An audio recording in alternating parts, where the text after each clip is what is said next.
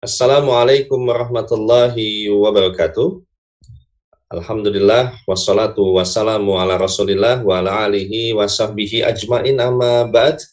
Brothers and sisters, gimana kabarnya? Alhamdulillah senang sekali kita bisa kembali berjumpa dan kali ini kita berada di suasana bulan mulia, bulan Al-Muharram, tepatnya pada tanggal 3, Alhamdulillah Zulhijjah telah kita lewati dan kini tiba saatnya bagi kita untuk bisa kembali ke Aspol Amal Sholat di bulan Al-Muharram ini, Alhamdulillah, dan di tahun 1443 Hijriah, Masya Allah.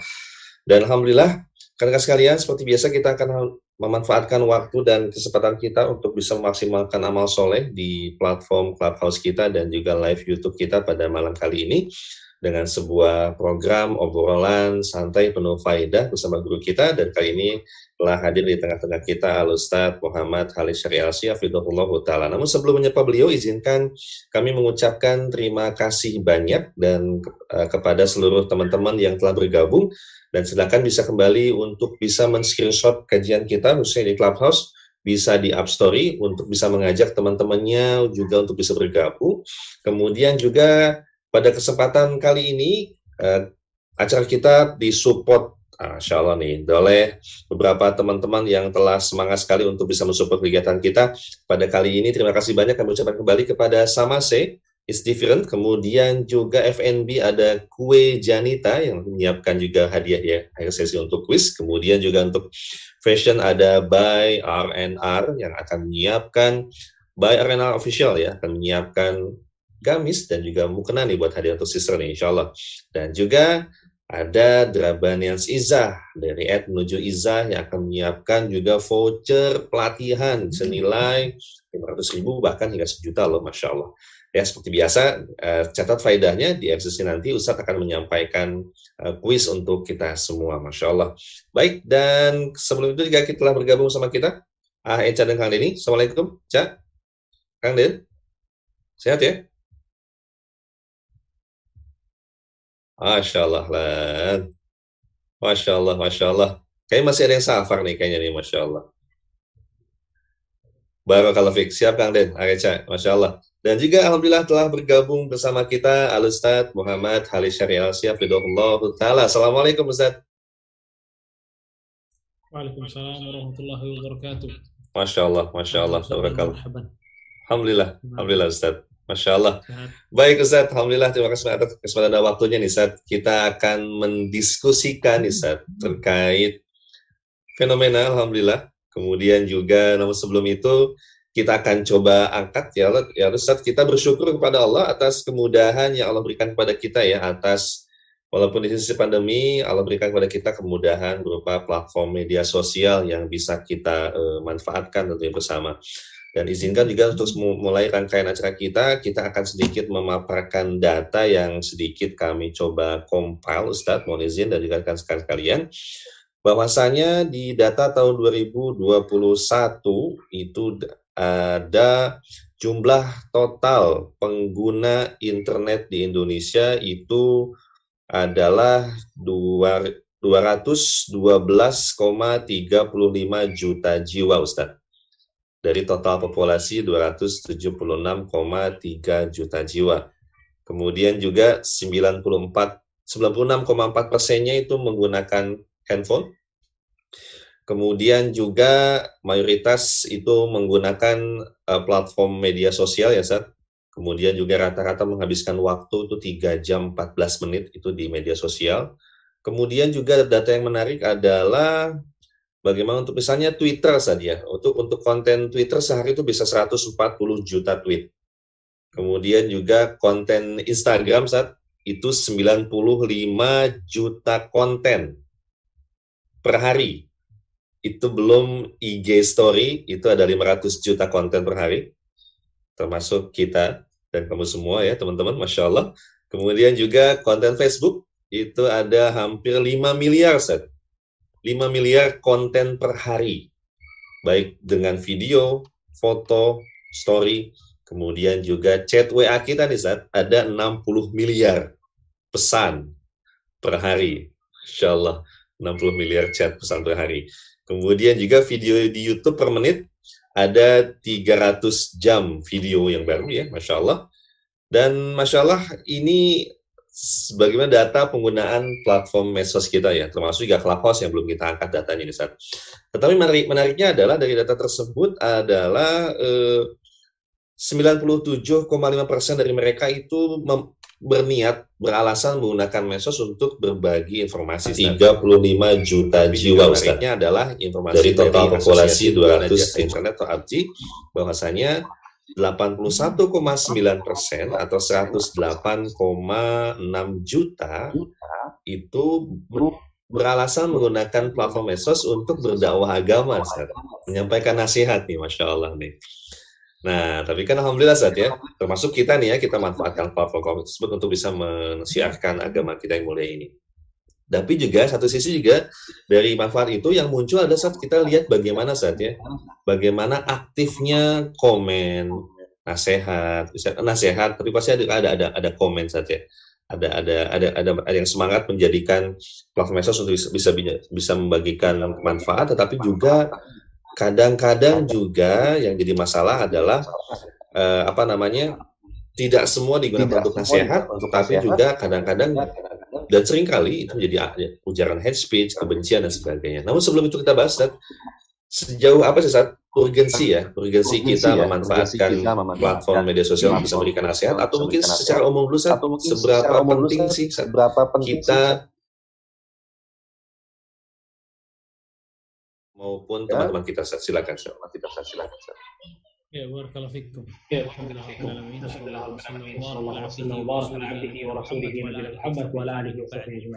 Ya, Kang Alvin. Ya, Kang Alvin dan teman-teman semua. di YouTube ataupun di Clubhouse ya. Kita kalau ngomongin medsos awalnya ya, kemudian kita pasti memang ketemu banget sama permasalahan, permasalahan nasihat, saling menasehati karena kita lihat ya banyak orang bikin akun isinya banyak nasihat atau orang komen pun banyak nasihatnya.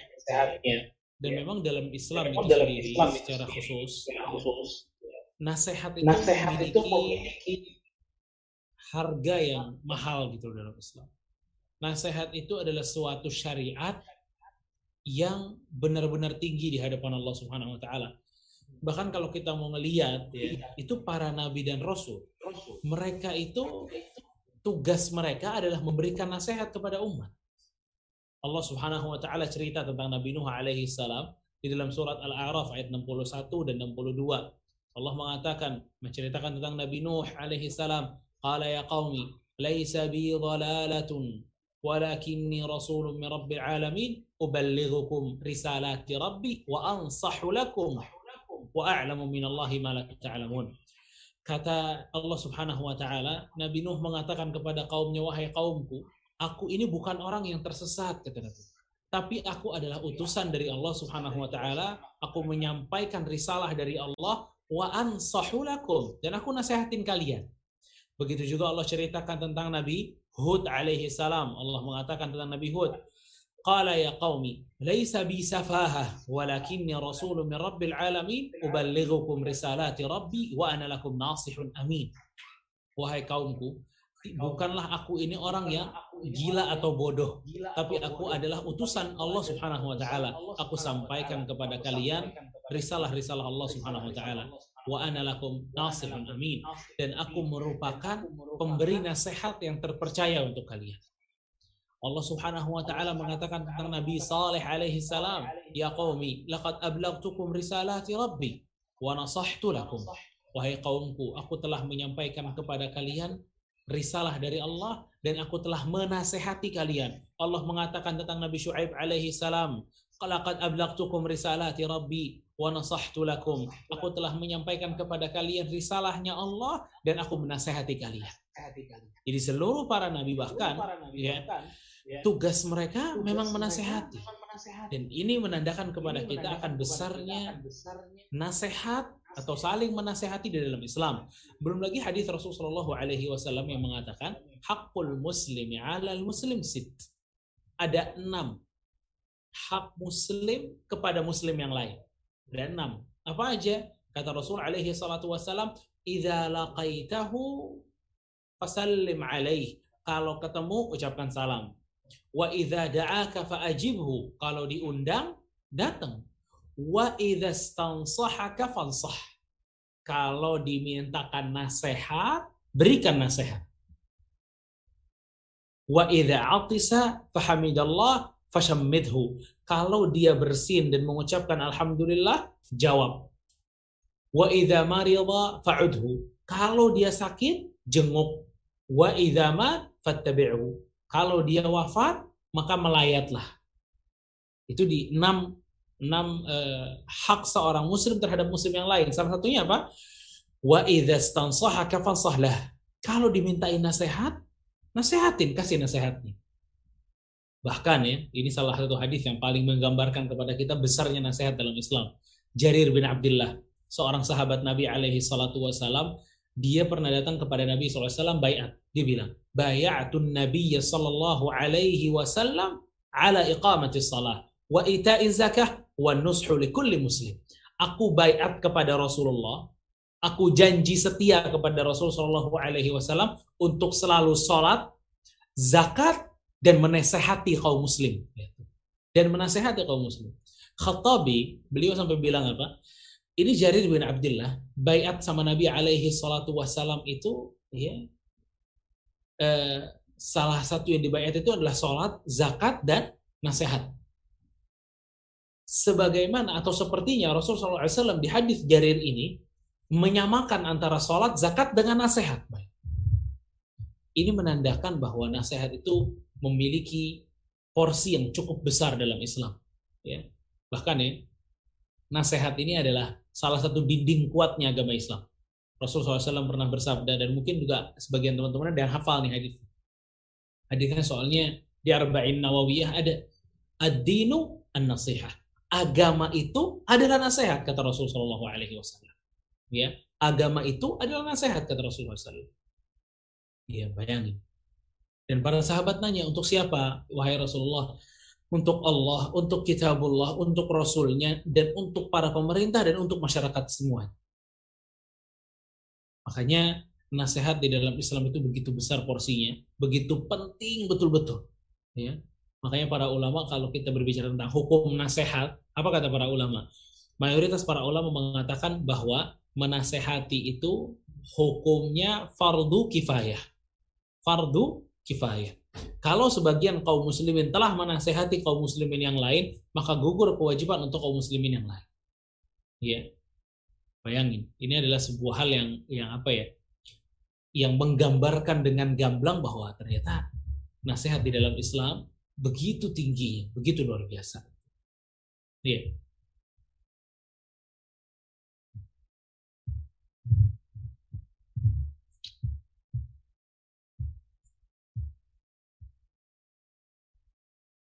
Urgensinya ya nasihat yang perlu kita sampaikan dan menariknya tadi adalah Ustadz menyampaikan hukumnya adalah fardu kifayah saat ya. Sekiranya yang orang lain sudah menyampaikan, berarti sudah gugur kewajibannya. Tetapi apakah tetap masih boleh Ustadz menyampaikan nasihat? Iya tetap boleh menyampaikan boleh, ya? nasihat ya, tetap, hmm. tetap boleh. Baik, masya Allah. Baik Ustadz. Dan ini menariknya saat ya terkait uh, apa namanya nasihat yang kita sampaikan Ustaz. Dan bagaimanakah sesungguhnya itu cara menasehati yang baik Ustaz? Karena ini ada mungkin yang berupa berikan nasihat ada yang secara umum. Nulis artikel misalnya ya atau nulis status nih. Kemudian juga ada yang tiba-tiba bikin status nyindir gitu ya nyindir buat yang merasa kesindir gitu. Statusnya umum gitu kan. Coba kayak langsung ada yang kesindir langsung wah ini nyindir gue atau sebagainya itu atau mungkin ada juga langsung terang-terangan saat nyebut nama gitu kan dan sebagainya. Nah at, ya frontal saat ada yang japri. Bagus sih japri cuman tetap nyelekit gitu ya masya Allah. Dan awal hasil banyak sekali uh, fenomena terjadi nah, nah sesungguhnya ini bagaimana saat Islam memberikan tuntunan tentang cara menasihati yang baik Ustaz Ya, uh, sebelum Anda jawab tentang bagaimana cara yang tepat dalam menasehati atau cara bagaimana adab-adab dalam menasehati. Tadi kan antum tanya juga tuh, ya. Ini orang macam-macam ya. Ada yang taruh status nyindir, nyinyir, yeah. nyela, ya. Nah, di sini sebenarnya ada pembahasan yang juga dibahas oleh para ulama. Seperti Al-Hafidh Ibn Rajab, beliau sampai memiliki sebuah tulisan tentang al-farqu bainan nasihati wa ta'yir. Perbedaan antara menasehati dan mencela. Nyindir, nyinyir, itu ada bedanya gitu.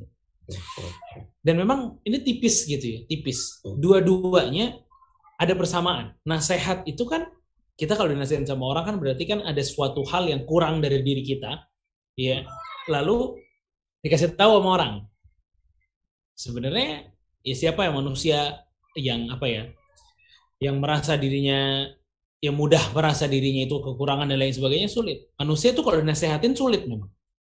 Ya karena dia mereka punya ego. Punya ego yang begitu tinggi. Nah si nyinyir ini atau nyindir atau nyela ini ya, mirip sama-sama ngasih tahu tentang kelemahan kita. Kan dua-duanya sama-sama ngasih tahu kelemahan tuh. Ya, sama-sama ngasih tahu kelemahan, tapi memang kalau ta'yir, ya, kalau nyindir itu atau celak itu, yang dibedakan tuh niatnya memang. Kalau nasihat, orang tuh ngasih taunya tujuannya ikhlas. Tujuannya agar orang tersebut yang kita berikan nasihat itu jadi lebih baik. Ya, jadi lebih baik. Tapi kalau orang yang mau nyela, dasarnya dia mau nyela, tapi bungkusannya bungkusan nasihat, maka tujuannya dia adalah mempermalukan orang tersebut, merendahkan orang tersebut, mencela orang itu. Ya. Jadi yang yang membedakan tuh emang apa? Niatnya. Ini mau ngapain gitu. Ya. Yang membedakan itu niatnya. Maka kalau kita mau lihat ya sejarah dari nyinyir atau nyindir atau nyela ini yang dibungkus pakai pakai bungkusan nasihat ini sebenarnya memang udah ada pendahulunya udah ada pendahulunya ya ini untuk mereka yang kalau bilangnya nasehatin orang padahal lagi mencela orang hmm. bilangnya nasehatin orang padahal lagi nyindir orang bilangnya nasehatin orang tapi isinya nyinyir semua Ternyata ada pendahulunya. Siapa pendahulunya? Iblis, la'natullahi alaih. Subhanallah. Iblis, kalau kita lihat sejarahnya Iblis sama Adam dan Hawa, itu kan Iblis itu kan di apa namanya menasehati Adam dan Hawa untuk memakan buah yang dilarang oleh Allah dalam surga. Iya kan? Ya. Dan apa kata iblis waktu setelah dia mengatakan kepada Adam dan Hawa untuk ngambil pohon atau buah tersebut. Iblis bilang dalam surat Al-A'raf ayat 21, "Wa qasamahuma inni lakuma laminan nasihin." Dan iblis bersumpah kepada Adam dan Hawa, "Ya Adam, wahai Hawa, aku sungguh-sungguh merupakan orang yang memberikan nasihat kepada kalian." Kata iblis apa? Aku sungguh-sungguh akulah orang yang memberikan nasihat kepada kepada kalian. Jadi iblis walaupun dia apa namanya yang ngasih taunya ngasih tahu keburukan, tapi dia bilangnya apa? Saya menasehati kalian.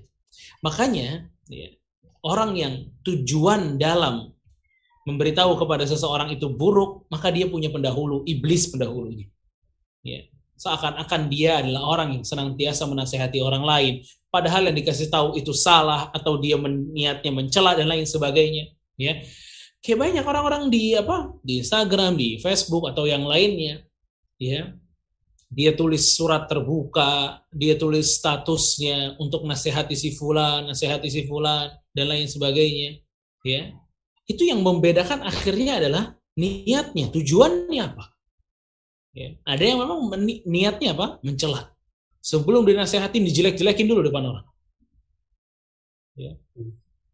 Dan Allah Subhanahu wa taala itu menyamakan orang-orang yang kalau nasihat apa ya? Kalau membawakan nasihat itu terlihat baik padahal niatnya busuk, ya, perkataannya baik, perbuatannya baik padahal hatinya busuk, itu sama seperti orang munafikin. Sama seperti orang munafikin. Makanya hati-hati ya.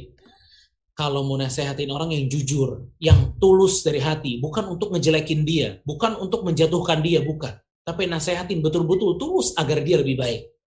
Karena Allah Subhanahu wa taala mengatakan dalam surat At-Taubah ayat 107, "Walladzina takhadhu masjidan diraran wa kufra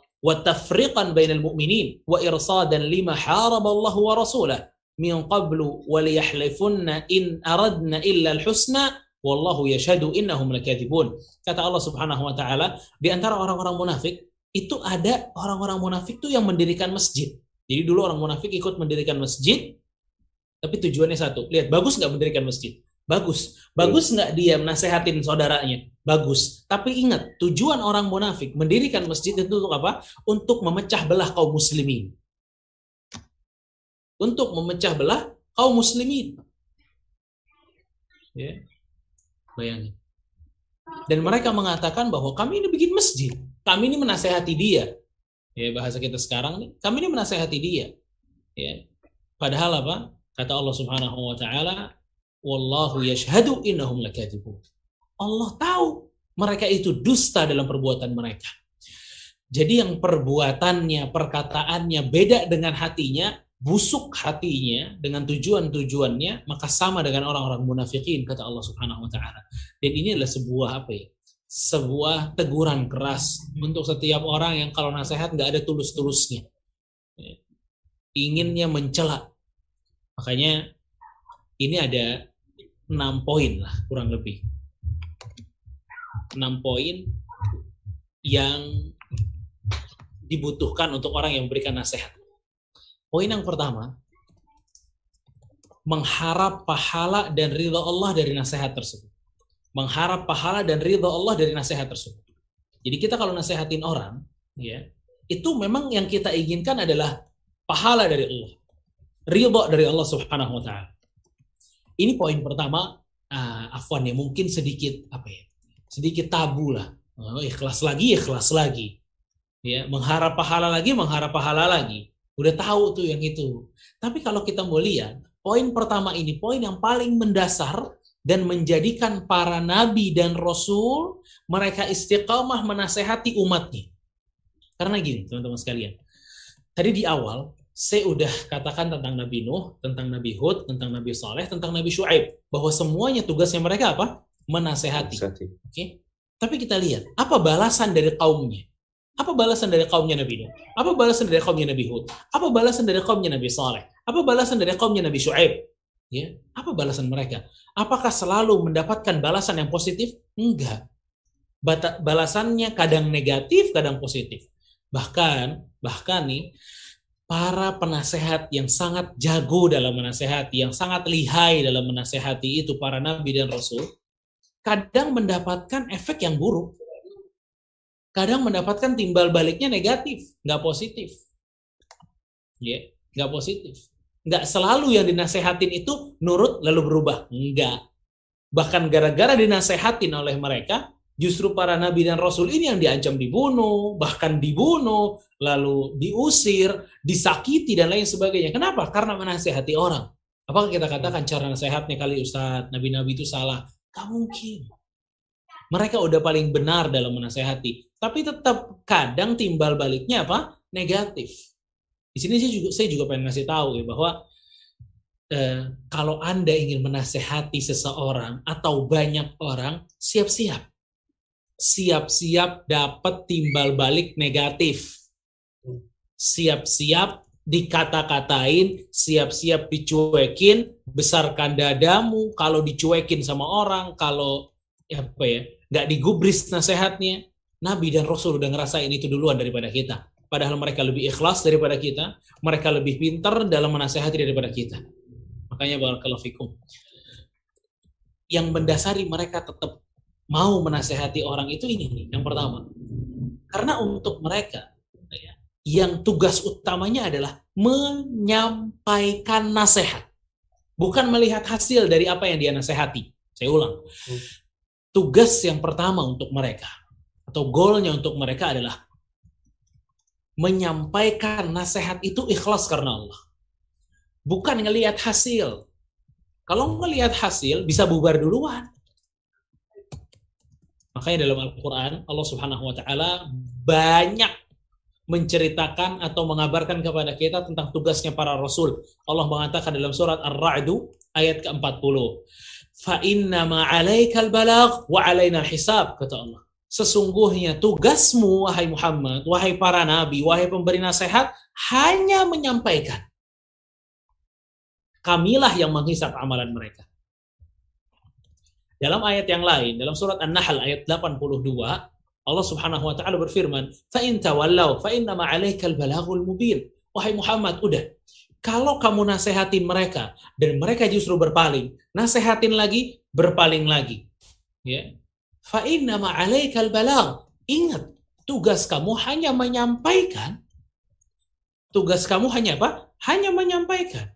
Karena di akhirnya teman-teman sekalian, yang menjadi penilaian Allah itu adalah ikhlasnya, bukan jumlah followersnya. Ikhlasnya seperti apa? Sekarang antum misal punya IG, punya clubhouse, antum pakai untuk menasehati para followers antum. Ya, kita nasihati followers followers tersebut. Tapi kadang like-nya nggak banyak. Tapi followers kita nggak nambah-nambah. Ya, apakah dengan ketika ada hasil yang kita lihat itu, kita mundur. Kalau kita mundur berarti ada bahaya di situ. Ada bahaya dalam niat kita yang salah. Ada bahaya dalam niat kita yang salah. Nabi Nuh alaihi salam, Nabi Nuh 950 tahun dia dakwah. Kata banyak para ahli tafsir, maksimal perkataan ahli tafsir seingat saya hanya 100 orang yang ikut dengan Nabi Nuh alaihi salam. 950 tahun dakwahnya. Cuma 100 orang yang ikut dakwahnya. Kalau kita lihat dari hasil, maka bisa bubar semuanya. Tapi yang menjadi goalnya mereka para nabi dan rasul adalah mengharapkan ridha Allah Subhanahu wa taala. Nasihat yang Anda berikan kepada teman-teman Anda atau followers-followers Anda, ya, atau semua orang yang Anda berikan nasihat itu, goal Anda adalah menasehati dengan ikhlas, mengharap pahala dari Allah Subhanahu wa taala. Jangan ditaruh tujuan utama kita agar mereka itu nurut enggak kita menyampaikan apa yang kita miliki dari ilmu. Ya, itu poin yang pertama. Poin yang kedua adalah mengetahui kebenaran atau kebaikan dalam nasihatnya. Mengetahui kebenaran atau kebaikan dalam dalam nasihatnya. Ya, sebelum kita nasihatin orang, kita mesti tahu nih orang salah apa enggak. Lah kalau enggak salah, ini nggak usah dinasehatin gimana? Ya, dia enggak salah, tapi kita tegur, tapi kita nasehatin. Ya, dianya enggak salah dalam kasus itu dia enggak salah. Makanya pastikan dulu dia salah dan pastikan apa yang akan kita berikan itu kebenaran, kebaikan buat dia. Ya. Allah Subhanahu wa taala berfirman dalam surat Al-Isra ayat 36, ya. Wala taqfu ma laysa laka bihi ilm. Janganlah kalian ya eh, mengikuti apa yang kamu tidak mempunyai ilmu tentangnya. Ya, janganlah kalian mengikuti sesuatu yang kalian tidak memiliki apa? Ilmunya kata Allah Subhanahu wa taala. Maka barakallahu fikum. Ini adalah poin yang kedua. Kita tahu dulu ini orang salah dan apa yang akan kita berikan itu benar, baru nasehatin. Yang ketiga, jangan menasehati depan umum.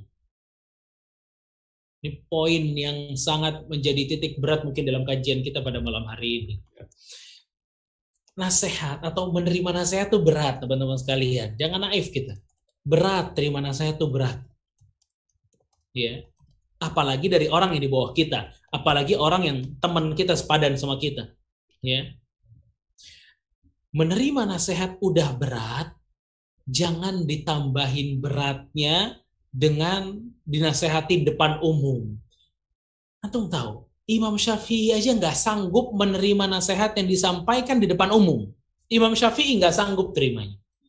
Dia sampai bilang, ya ta'ammadani binushika fi infiradi wajannibni nasihata fil jama'ah fa inna nusha baina an-nasi naw'un min at-tawbikh la arda istima'uhu wa in khalaftani wa 'asayta qawli fala tajza' idza lam tu'ta ta'atan berikanlah nasihatmu kepadaku saat aku sendiri.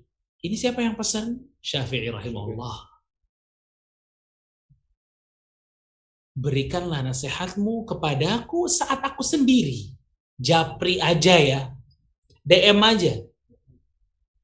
Jangan ditulis di komennya. Ya, mau jangan tulis yang orang bisa baca semuanya. Apalagi sampai diawali dengan buka aib dulu. La haula wala quwata illa billah. Innamal mu'min yasturuhu wa yansahu. Kata para ulama seorang mukmin itu tipenya menutupi aib saudaranya dan menasehatinya. Ini aibnya udah dibuka, nasihatnya depan umum. Lalu kita berharap orang itu berubah gara-gara nasihat kita? Jangan mimpi. Imam Syafi'i rahimahullahu taala, dia bilang jangan nasihatin saya depan orang, tapi nasihatin saya saat saya sedang sendiri. Jauhilah memberi nasihat di depan hal halayak ramai. Karena nasihat yang disampaikan depan banyak orang terdapat di dalamnya celaan yang aku tidak ingin mendengarnya. Yang aku tidak ingin mendengarnya, Bayang. Imam Syafi'i. Anda ragu dengan ketawaduan Imam Syafi'i. Orang yang setawadu ini berpesan, jangan nasehatin depan orang. Ya. Jangan nasehatin depan orang. Beliau juga mengatakan, Man wa'adha akhahu sirran faqad nasahah. Siapa yang telah menasehati saudaranya diam-diam, tersembunyi, japri, DM, nggak banyak orang tahu, itu dia telah menasehatinya. Wa man wa'adhahu alaniyah faqad fadhahahu wa Dan siapa yang menasehati atau memberikan wejangan untuk saudaranya dalam keadaan yang terbuka terang-terangan orang-orang pada lihat, faqad fadhahahu wa Dia telah mencelanya. Telah mencelanya kata Imam Syafi'i rahimahullah taala. Begitu juga perkataan Sulaiman Al-Khawwas. Beliau bilang, man wa'adha akhahu fi ma bainahu wa bainah fahiya nasihah. Siapa yang memberikan wejangan pada saat berdua japri-japrian fahiya nasihah. Itu adalah nasihat. Waman wa waman wa'adhahu ala ru'usin nas fa inna dan siapa yang memberikan wejangan atau kritik atau saran di depan orang-orang fa inna fadhahahu dia lagi mencela orang tersebut Perkataan Ibnu Hazm rahimahullah taala, beliau mengatakan, "Idza nasahta fansah sirran la jahra." Kalau kalian menasehati seseorang, nasehati dalam keadaan tersembunyi, enggak terang-terangan. Au bitta'ridi la tasrih. Dalam keadaan dan pakailah kalimat sindiran, jangan belak-belakan. Kalau dia nggak paham, baru belak-belakan perkataannya ya. Maka barakallahu fikum.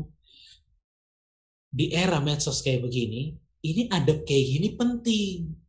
Kita kan juga nggak mau dikasih nasihat sama orang tapi di komen kita. Tapi yang semua orang bisa lihat. Nggak mau nggak sanggup orang. Nggak sanggup terimanya nggak sanggup. Kesel iya. Akhirnya apa? Debat. Akhirnya debat. Tapi japri di DM ya ini yang kiranya bisa menjadikan nasihat itu diterima. Dan kalau misalnya Anda katakan, Ustadz, kalau saya japri dia, kalau saya japri dia, nggak bakal dibaca, Ustadz. Nggak bakal dibaca. Kita katakan tugas Anda menyampaikan. Tugas Anda menyampaikan. Begitu Anda menyampaikan, maka selesai tugas Anda. Begitu Anda menyampaikan, maka selesai tugas Anda ya. Jangan membebani diri dengan sesuatu yang Allah tidak bebankan kepada anda. Jangan bikin susah diri. Ini di clubhouse kedengeran gak ya? Ini kedengeran ya? Tadi sempat ini, sempat putus mati mati ya? Ah iya makanya. Yeah. kayak mati mati gitu. Fabarakallah fikum ya. Dan tadi eh, Kang Alvin juga tanya tentang apa ada yang nulis nama ya jadi namanya iya betul saat di mention ya di mention terus sebut nama. sebut nama ya nggak tanggung tanggung ya. Sebenarnya hal itu pernah juga sebenarnya Rasulullah SAW melakukan ya. Atau kita juga bisa bilang bahwa Rasul itu pernah menasehati beberapa orang tapi dalam keadaan halayak ramai juga pernah sebenarnya. Hmm. Tapi apa yang tadi kita saya saya jabarkan tadi itu adalah dasarnya. Seperti kasusnya Muaz. Insya Allah pada ingat nih teman-teman nih kasusnya Mu'ad. Jadi Mu'ad itu sholat isya di satu masjid, dia jadi imam. Antum kalau sholat isya di masjid, antum bacanya apa? Kang Arvin apa? Di masjid eh, rumah. Biasanya baca apa? Alhamdulillah saat standar saat nah, kalau di masjid. Standar. Ya. ya apa ya? Iza zulzilatil ardu zilzalaha atau wadduha. Ya. Yeah. Ini juga gitu mungkin Eca juga sama. Ya. Mu'ad. Antum tahu Mu'ad baca apa? Al-Baqarah sama An-Nisa Masya Allah. Pergi sholat isya. Kira-kira antum kalau jadi makmum gimana tuh? Iyalah, iman kita masih agak lemah nih saat. Loh, jangankan kita, sahabat ada yang kabur gara-gara Mu'adz baca surat Al-Baqarah sama An-Nisa. Masya Allah. Kabur. Dia akhirnya batalin sholatnya, sholat sendiri di belakang. Sholat Isya. Ya. Setelah bubar sholatnya, ya, ada yang laporin ke Mu'adz, wahai Mu'adz, tadi ada yang ikut sholat sama kita, terus ada yang cabut, batalin sholatnya. Kata Mu'adz, munafik orang itu. Munafik kata Orang ini lapor kepada Nabi SAW, ya Rasulullah, Mu'adz imamin ke kita. Bacanya Al-Baqarah sama An-Nisa salat Isya. Saya punya urusan ini, saya punya urusan itu, dan lain sebagainya. Rasulullah SAW pergi ke Mu'adz, dan itu depan orang, afattanun anta ya Mu'adz. Mu'adz, mau bikin fitnah? Mu'adz, mau bikin fitnah? Mu'adz, mau bikin fitnah? Sampai tiga kali Rasulullah. Dimarahin, dinasehatin depan orang. Pakai namanya lagi, dimention lagi sama Rasul ya dan Rasulullah SAW di situ bilang ya bacalah sabis marabbikal a'la bacalah idza syamsu kuwirat ya karena orang-orang itu banyak urusan kata Rasulullah SAW ya di sini kita bisa lihat bahwa Rasulullah SAW juga pernah menasehati seorang sahabat ya dengan dimension dan depan orang juga pernah ya. Tapi yang dinasehati adalah Muadz. Kita bisa lihat Muadz itu orang yang dekat dengan Rasulullah SAW yang kiranya kalau disampaikan itu bermanfaat dan nggak sakit hati ya. Bermanfaat dan tidak dan tidak sakit hati ya. Kalau orang sekali bermuad aja ditegur sampai seperti itu oleh Rasulullah SAW karena memberatkan makmum yang di bawah muad hati-hati. Jangan diulangi. Ya sekali bermuad aja kena gimana di bawah muad muad Rasulullah SAW kan udah bilang ke muad wahai muad inilah uhibbuk saya cinta sama kamu. Bayangin.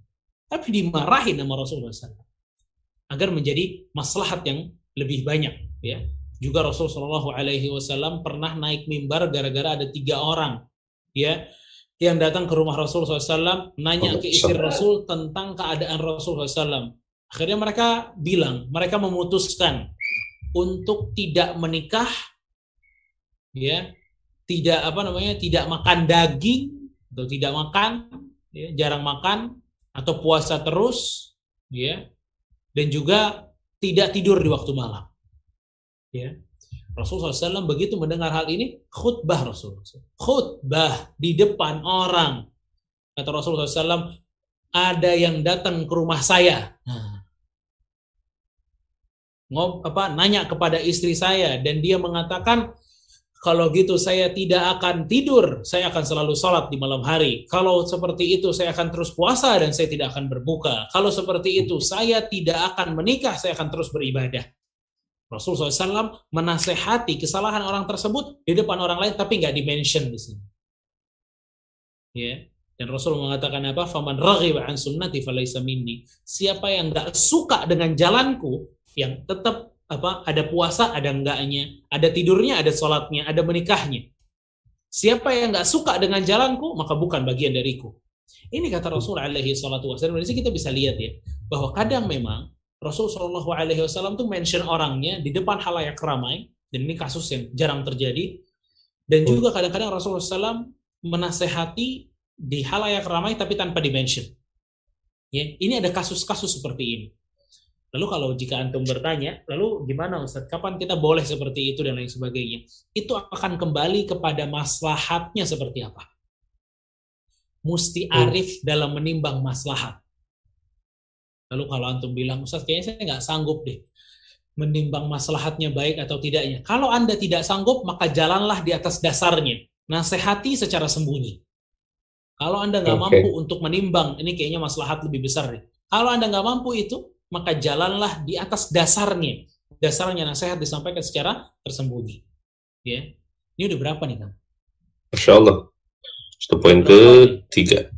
Sekarang ya. keempat berarti. Empat. Baik. Ini juga penting nih, ya. Kalau berikan nasihat tuh lihat momen, lihat momen, lihat waktu dan tempat.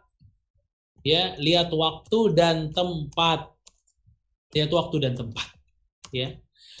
Maka uh, hal ini kalau nggak diperhatikan bikin runyam. Timing nggak pas itu bikin ribet kalau nasihat disampaikan tidak sesuai dengan timingnya. Ya. Nabi Shallallahu Alaihi Wasallam itu pernah berpesan kepada para dai, kata Nabi SAW, Yassiru wa la tu'assiru wa bashiru wa la tunafiru. Mudahkan, jangan dipersulit, berikan kabar gembira, dan jangan jangan membuat manusia lari. Ingat ikhwah, yang pengen ngasih tahu juga nih, pas. Banyak orang kalau pengen nasehatin orang lain lewat IG-nya, di broadcast atau WA-nya atau FB-nya atau yang lainnya, ya itu nggak ngelihat momen. Terus-terusan setiap hari bisa 10 kali ngirim artikel. 10 hmm. kali ngirim artikel. Subhanallah. Antum tahu nggak? Nabi alaihi salatu wassalam berapa kali kajian dalam sepekan? Satu kali sepekan. Masya Allah. Hadis diriwayatkan oleh Imam Al-Bukhari, Ibnu Mas'ud mengatakan, "Kana Nabi sallallahu alaihi wasallam yatakhawwaluna bil mau'izati fil ayyam karahata sa'amatu alaina." Kata Abu Mas'ud, Nabi SAW itu selalu memilih waktu yang tepat untuk memberikan kami nasihat. Khawatir kami bosan, katanya. Tuh, lihat tuh. Rasul itu muridnya, followersnya Rasul itu, ya Abu Bakar, Umar, Utsman, Ali dan lain sebagainya. Ya, oke. Okay. Rasul tapi lihat waktu yang tepat agar mereka tidak bosan. Karena kalimat yatakhawwaluna kata Al-Khattabi rahimahullahu taala adalah wa yura'il awqat fi wa'dhina wa yataharra minha makana madhinnatal qabul. Khattabi bilang ya bahwa Nabi Shallallahu Alaihi Wasallam itu memperhatikan dan memilih waktu yang tepat untuk memberikan nasihat-nasihat kepada kami yang sekiranya menjadi faktor untuk dapat diterimanya nasihat dan tidak melakukannya setiap hari agar kami tidak bosan. Subhanallah. Bayangin, ya Nabi SAW milih waktu biar nggak bosan, ya. Dan menariknya hadis ini masuk dalam kitab Sahih Al-Bukhari tiga kali disebut ya dan semuanya dalam bab-bab yang berbeda ya pertama Bukhari menjudulkan babnya dengan mengatakan Nabi SAW selalu memberikan waktu yang tepat dalam menasehati hadisnya apa hadisnya yang tadi Kedua, Bukhari mengatakan mengkhususkan hari untuk mendatangi ahli ilmu. Hadisnya apa? Sama hadisnya ini juga. Dan yang ketiga kata Bukhari rahimahullah memberikan nasihat tidak sekaligus namun sewaktu demi sewaktu, sedikit demi sedikit. Hadisnya itu juga.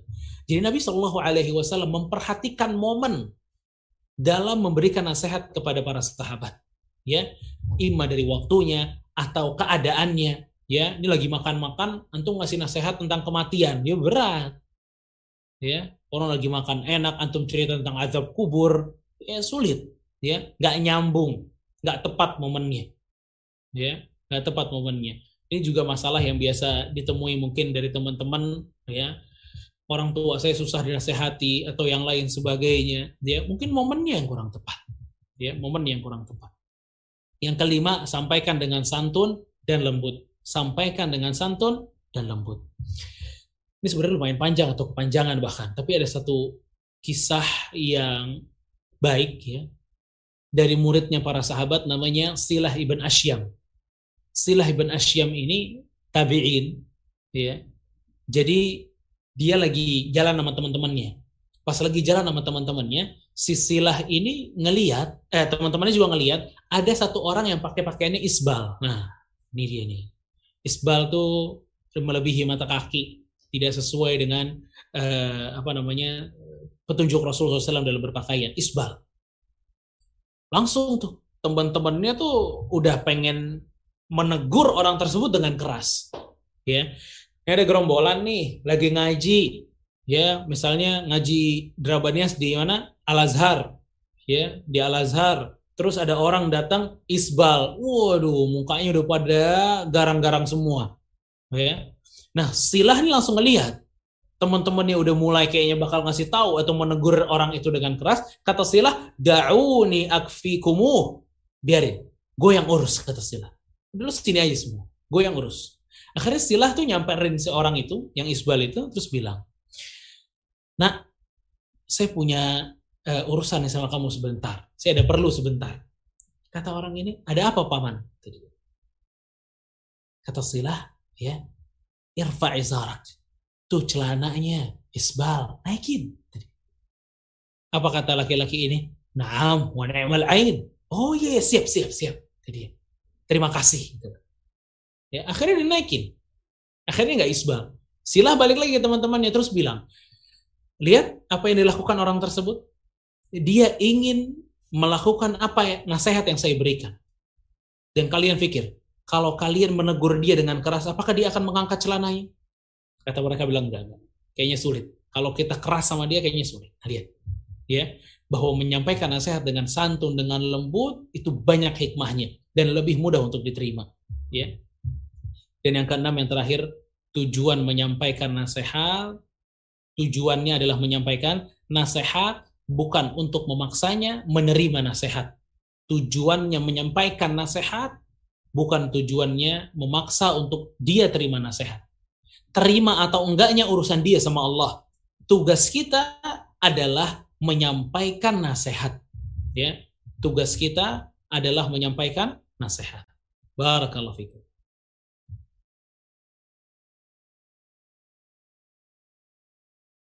Baik, Alhamdulillah Ustaz atas penyampaian dan tadi telah kita uh, dengarkan ya Masya Allah terkait satu pertanyaan, tapi banyak sekali faedah yang Ustaz sampaikan tadi terkait bagaimanakah uh, sikap terbaik saat memberikan nasihat ya, ada enam ya Masya Allah. Baik, dan Ustaz Masya Allah, uh, kemudian tadi setelah kita menyamp Ustaz menyampaikan terkait uh, bagaimanakah poin-poin bagi mereka yang akan memberikan nasihat, Nah, berikutnya adalah sikap terbaik bagi kita penerima nasihat itu bagaimana. Namun sebelum Ustadz menjawab, Ustadz mohon izin, kita akan refresh sejenak teman-teman sekalian. Silakan bagi yang akan refresh sejenak, bagi yang akan mengambil kopi atau dan sebagainya, silakan dengan tetap uh, apa namanya, menyiapkan adab, masya Allah. Fadol Ustadz, masya Allah. Kemudian juga uh, kami mengucapkan terima kasih banyak ya seperti biasa di akhir sesi, di akhir sesi nanti, masya Allah akan ada kuis yang akan Ustaz sampaikan dan telah disiapkan banyak hadiah yang telah disiapkan oleh teman-teman yang telah mensupport kita sehingga itulah pentingnya mencatat faedah nih, masya Allah. Ini termasuk buat kita harus juga multitasking nih antara memantau pergerakan CH, eh, Zoom, dan juga bagaimana mencatat faedah nih Masya Allah. Mohon maaf apabila terjadi ada sedikit miss ya tadi Masya Allah. Baik Ustaz, kita akan kembali ke pertanyaan yang tadi Ustaz. Setelah Ustaz menyampaikan terkait bagaimanakah sikap terbaik untuk uh, menyampaikan uh, nasihat Ustaz ya. Itu lalu bagaimanakah sikap kita nih Ustaz bagi penerima nasihat. Imam mendapatkan nasihat dengan cara yang baik, atau kita kebagian di disindir dengan status yang jelas Ustaz gitu ya atau tadi kita dinasihati depan umum Ustaz bagaimanakah uh, sikap kita terbaik Ustaz Iya, barakallahu fikum. Eh, barakallahu fikum ya. Apa namanya? Penting ya, Bang. Ini poin yang yang selanjutnya ini penting. Gak kalah penting dengan yang pertama. Karena hmm. banyak banget orang maunya nasehatin, tapi giliran dinasehatin galaknya luar biasa nggak terima sama sekali. Ya, ingat, Anda ini manusia. Anda manusia yang nggak terima saran dan kritik cuma Allah Subhanahu wa taala selesai. Ya, makanya dalam Al-Qur'an Anda nggak terima kan? Anda Anda nggak pernah baca kan? Allah menerima saran dan kritik. Nggak pernah.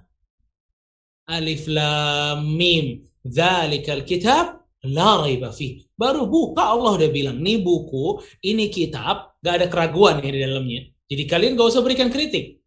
Kalian gak usah berikan saran, gak usah kata Allah. La raiba fi. Gak ada keraguan sama sekali. Karena Allah itu terjaga dari kesalahan. Tapi kalau kita enggak, kita enggak terjaga dari kesalahan. Ya, maka barakallahu fikum ini adalah hal yang memang penting juga untuk kita sadari gitu ya.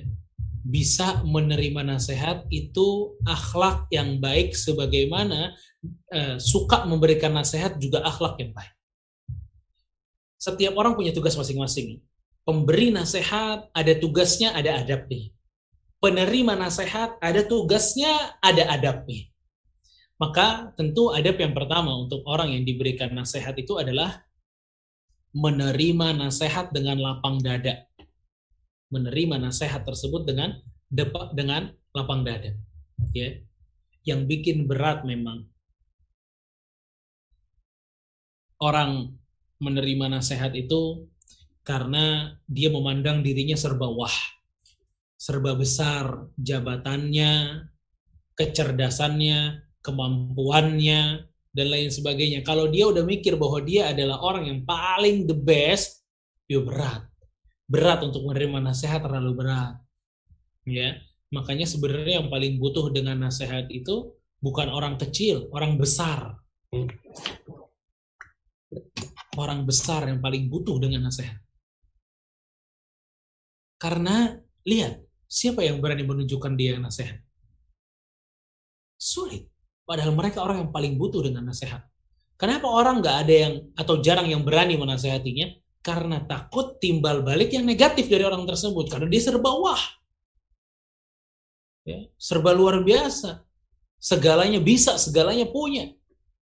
Dan akhirnya dia ngerasa bahwa dia nggak butuh lagi dengan nasihat orang. Karena min dalik. Karena sallallahu alaihi Semoga kita dilindungi oleh Allah Subhanahu wa taala. Karena itu adalah akhlak yang berat gitu ya. Itu kan sombong jatuhnya. Ya, sombong. Dan orang yang yang sombong gitu ya, itu orang yang sulit untuk menerima nasihat dan biasanya jawaban dia tuh apa ya kalau nasihat ini? Misal deh di medsos nih, ya. Orang uploadnya nggak bener. Ini orang uploadnya nggak bener, teman kita, kita DM, bro uploadan lo nggak bener ya. kadang ada yang jawab apa bukan urusan lo unfollow aja gue hidup-hidup hmm. gue nah, gitu aja ngomongannya ya itu kalimat ya itu adalah kalimat yang dibenci oleh Allah Subhanahu wa taala yang dapat menjerumuskan orang kepada neraka. Jangan main-main. Ada orang nasihatin kita, wallahi terima kasih kepada orang tersebut. Ini udah dinasehatin, malah belagu, nggak mau nerima. Allah Subhanahu wa taala berfirman dalam surat Al-Baqarah ayat 206. Wa idza qila lahu taqillah akhadhathu al-'izzatu bil itsm fahasbuhu jahannam wa. Dan kata Allah, dan apabila dikatakan kepadanya, kamu bertakwa sama Allah, ya Allah, jangan upload yang begitu-begitu. Jangan ngomong begitu, dosa. Jangan berlaku seperti itu, dosa bertakwa kepada Allah, takutlah kepada Allah. Fa'akhadhatul izzatu bil ithm. Tapi justru kesombongannya yang membesar menyebabkan dia berbuat dosa. Maka apa kata Allah? Fahasbuhu jahannam. Udah, yang akan mencukupkan dia adalah neraka jahannam. Wala bi'sal mihad. Dan itu seburuk-buruknya tempat kembali. Lihat. Dinasehatin, ngaji ya, malah sombong itu gua mau start nyipinteran gue jadi nggak butuh ngaji udah ya ini sombong yang kata Allah Subhanahu wa taala fahasbuhu jahannam kesombongannya akan dicukupkan oleh Allah dengan jahannam dan kalimat itu ya hidup-hidup gue unfollow aja gue terus apa hmm. tadi uh, apa bukan urusan lo dan lain sebagainya hmm. ya itu dosa besar coba sekalian. Ibnu Mas'ud yang bilang itu dosa besar. Kata Ibnu Mas'ud, "Inna min akbari dzanbi an yaqula rajulu li akhi" Salah satu dosa besar adalah seseorang dinasehati namun jawabannya apa? Alaika nafsa. Urus aja diri lo. Mas, sholat mas. Elah ngurusin orang mulu, urus aja diri lo sendiri. Nah, ini perkataan kata alimam kata Ibnu Mas'ud adalah perkataan yang termasuk dosa besar dalam riwayat yang lain mengatakan abghadul kalam ilallah. Uh, sebuah perkataan yang dibenci oleh Allah Subhanahu wa taala. Ya sebuah perkataan yang dibenci oleh Allah Subhanahu wa taala. Ya makanya besarkan hati kita untuk dapat menerima nasihat dengan lapang dada. Ya untuk bisa menerima nasihat dengan dengan lapang dada. Yang kedua ya yang kedua adalah menyayangi orang yang kerap menasehati kita. Menyayangi, bukan dibenci. Orang yang kerap menasehati kita. Kenapa? Karena orang itu pantas untuk kita cintai, pantas untuk kita sayangi, pantas untuk kita peduli sama dia. Kenapa? Karena dia nasehatin kita.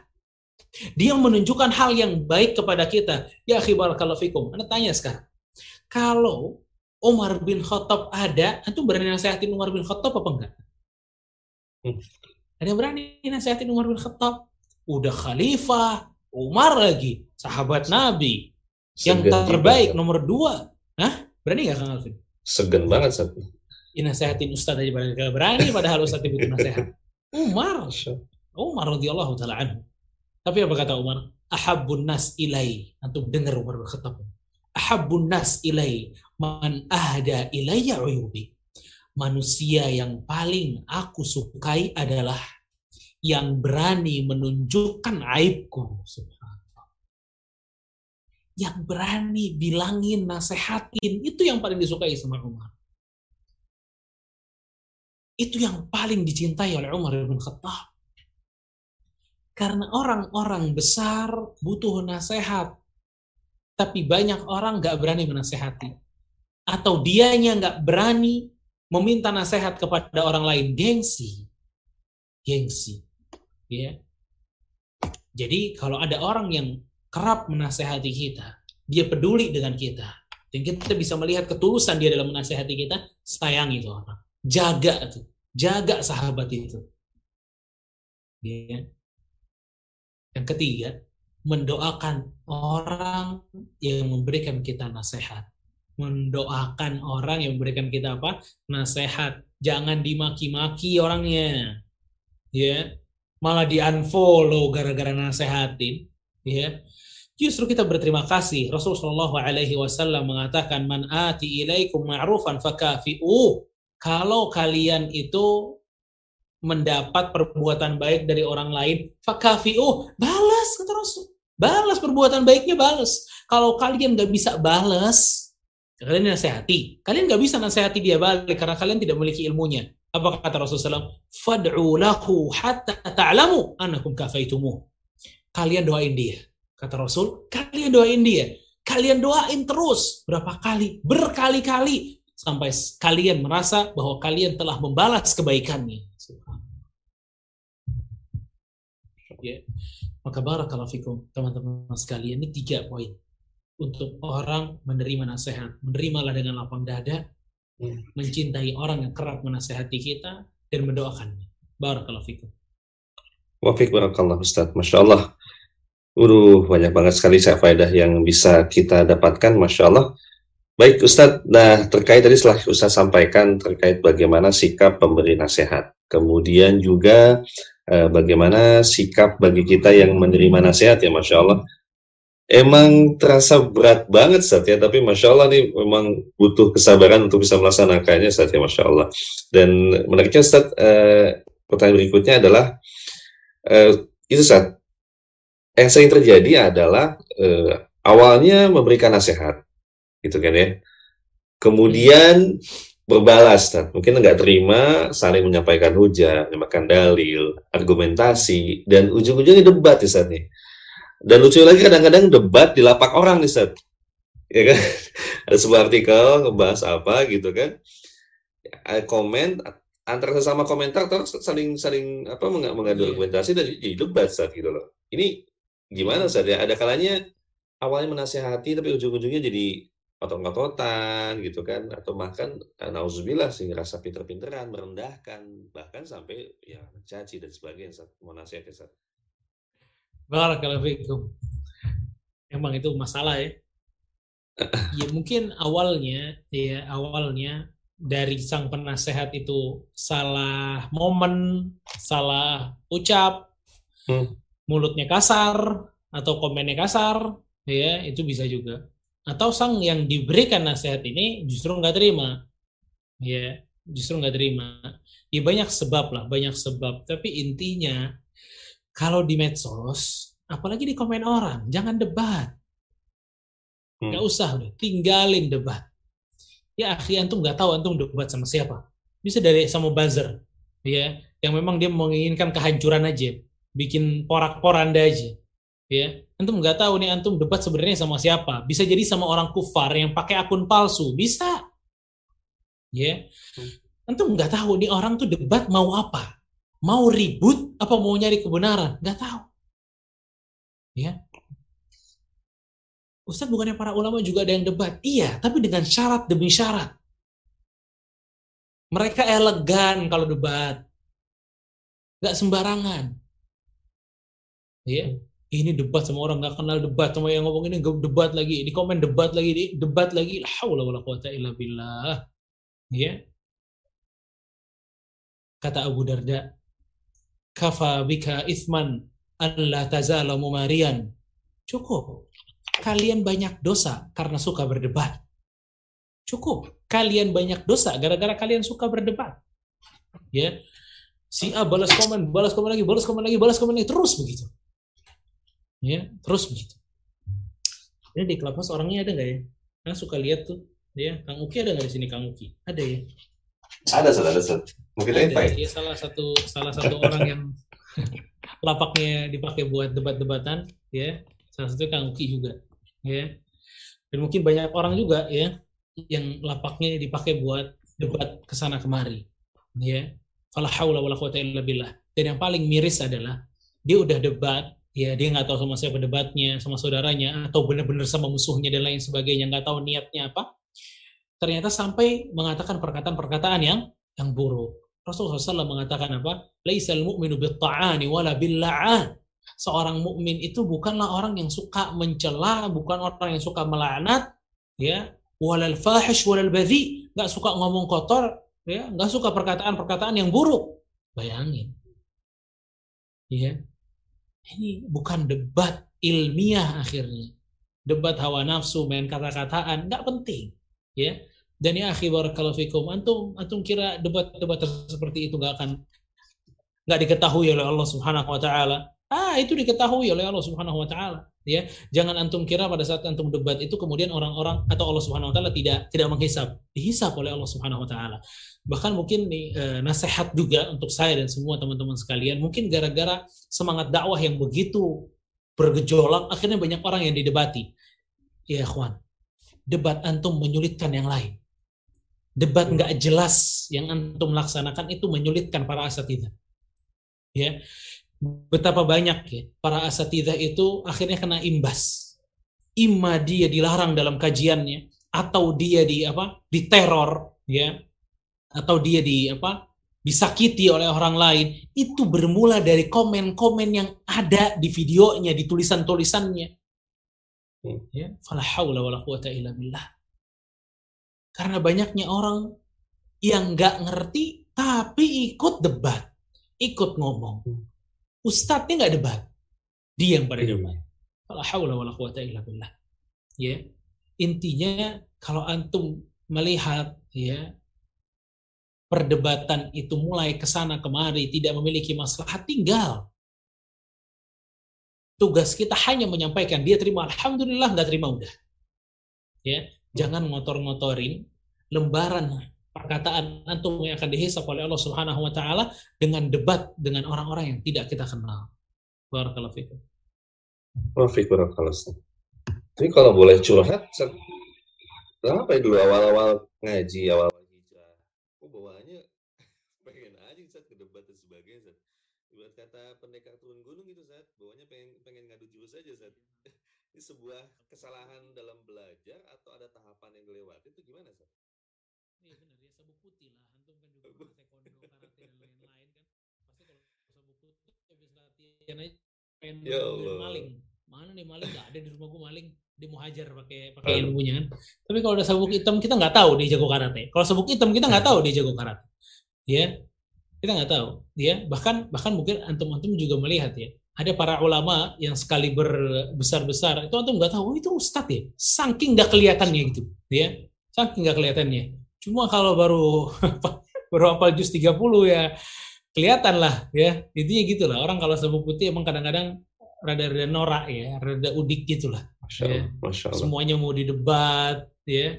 Sampai debat-debat medsos dan lain sebagainya merasa dia aja yang pernah yang memiliki ilmu tersebut orang-orang semuanya salah dan ini mesti di apa namanya amar ma'ruf mesti ditegakkan nahi mungkar mesti ditegakkan.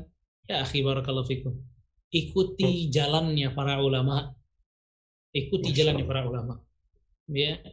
Kalau tuh para ulama nggak ada yang menyibukkan diri mereka dengan mengkomentar in dan itu ya antum juga nggak usah. Ya. Kadang nih kita teriak mengikuti manhaj salaf manhaj salaf manhaj salaf tapi urusan komen nggak ikut manhaj salaf Urusan posting-posting gak ikut manhaj salaf. Ya, ya. urusan nahi mungkar, amar ma'ruf nahi mungkar nggak ikut manhaj salaf. Ya. Ikut dengan para ulama, ikut dengan para asatidah, ikut dengan asatidah uh, ahlu sunnah wal jamaah. Tapi begitu ada masalah-masalah nggak ikut dengan mereka. Ya. Fala haula wala quwata illa billah. Masya Allah. Iya Ustaz ya, Ustaznya aja kalem gitu kan. Ulamanya kalem. Terus kalau menarik, kayak Ustaz ada kisah nih Ustaz. Kalau ulama diajak debat, itu apakah mereka menggubrisnya atau bagaimana saat yang Ustaz sempat mention kisah Imam Malik Ustaz? Iya, yeah. waktu itu dulu Imam Malik itu pernah diajak debat sama orang. Ya, pernah diajak debat. Kata Imam Malik enggak, saya nggak mau debat. Ya, hmm. saya nggak mau debat. Lalu uh, kata Imam Malik rahimahullah, kalaupun saya debat dengan Anda, lalu saya kalah kata Imam Malik. Lalu saya kalah. Apakah saya harus meninggalkan agama saya dan pindah ke agama kamu? Dan nanti kalau kamu udah menang, ya, kamu debat sama orang lain, lalu kamu kalah, apakah kamu akan pindah kepada agama orang tersebut yang menang debat? Dan apakah begitu seterusnya? Dan apakah seperti itu cara beragama? Subhanallah. Yang de yang menang debat kita masuk. Kalau kalah debat kita nggak masuk. Apakah gitu cara beragama? Enggak. Ya. Makanya debat ini dibenci, banyak dibenci oleh para ulama. Bahkan Rasulullah SAW mengatakan apa? Aku jamin rumah di surga liman tarakal mira'a wa in kana muhiqqa. Aku jamin orang dapat rumah di surga pada saat dia meninggalkan debat walaupun dia yang benar. Meninggalkan debat walaupun dia yang benar. Ya. Makanya debat ini apalagi di MP di medsos ya. Allah Akbar. Tinggalin itu. Dan saranin juga buat teman-teman semua untuk bisa baca do, uh, e-booknya Ustaz Firanda fikih hmm. bermedia sosial. Fikih bermedia sosial itu bisa di download dibaca dan ambil faedah dari situ yang luar biasa. Barakallahu siap insyaallah.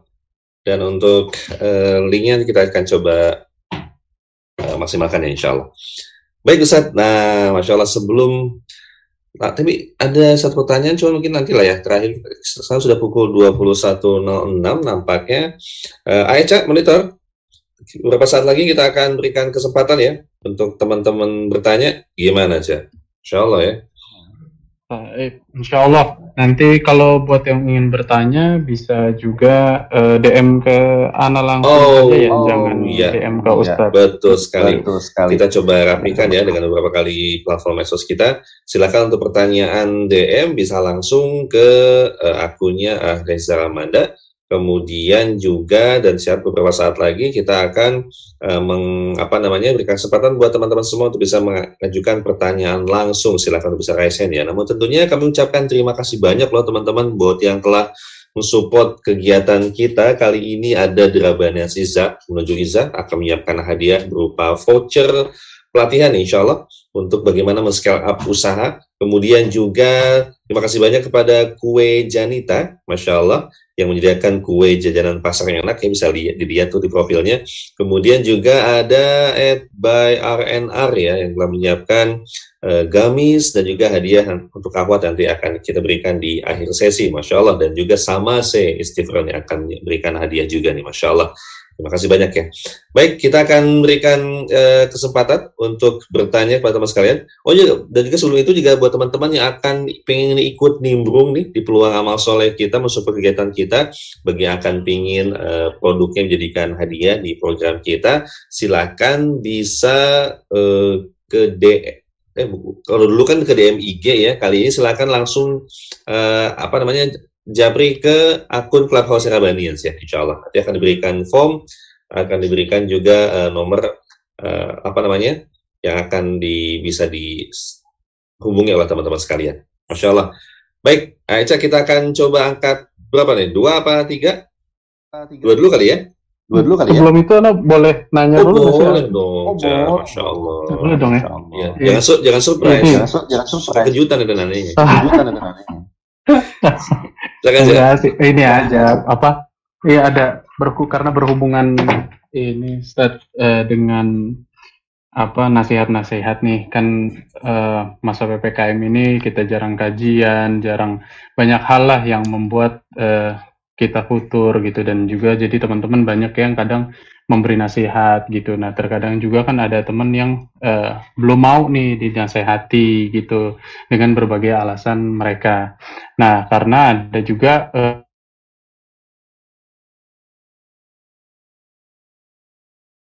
mana sih kita uh, sampai ke harus menghajar orang tersebut apakah uh, diperbolehkan atau tidak saat orang tersebut sudah tidak uh, bisa dinasehati misalkan sudah dinasehati berulang-ulang gitu apakah betul diperbolehkan mengambil kaidah mungkin seperti cerita Ka'ab bin Malik dulu seperti itu Ustaz gitu apakah uh, sampai mana apakah diperbolehkan atau bagaimana jika pun diperbolehkan ya barakallahu fikum ya Jazakumullah khair, Silakan Ustaz.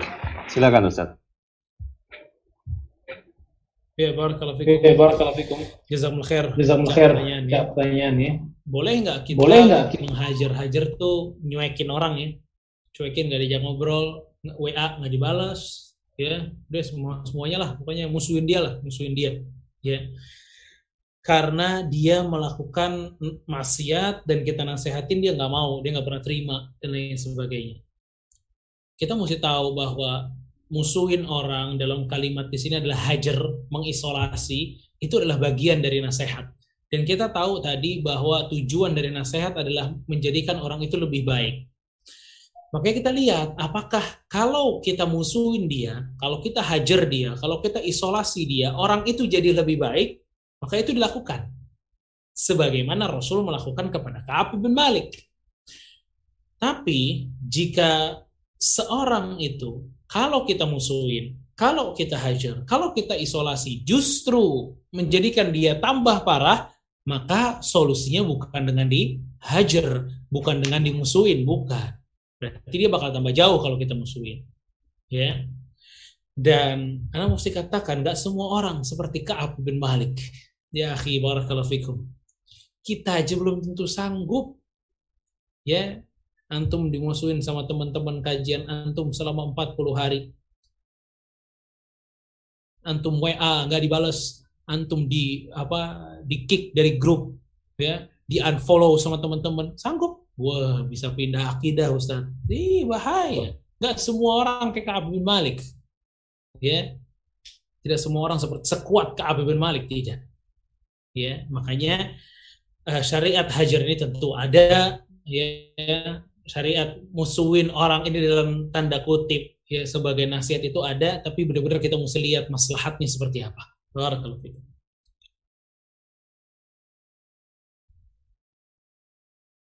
Masya Allah. Yuk, bisa yuk kita angkat dua pertanyaan ya. Siap-siap untuk raise hand, silahkan.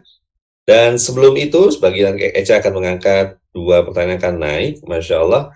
Dan jangan lupa di bulan mulai ini teman-teman sekalian bisa mensupport loh kegiatan kita untuk operasional dakwah Drabanias bisa diintip tuh nomor rekening yang telah disediakan di profil TR silahkan kita memiliki kajian pekanan setiap Rabu kemudian juga insya Allah kita akan jalankan kembali untuk program Drabanian Stocks. Kemudian juga artikel-artikel akan kita up terus, Masya Allah. Tentunya silakan terbuka sekali kesempatan besar buat kamu semua bisa mensupport kegiatan dakwah kita untuk bisa memberikan infak terbaik atau terbaik kamu di rekening donasi operasional yang telah disediakan.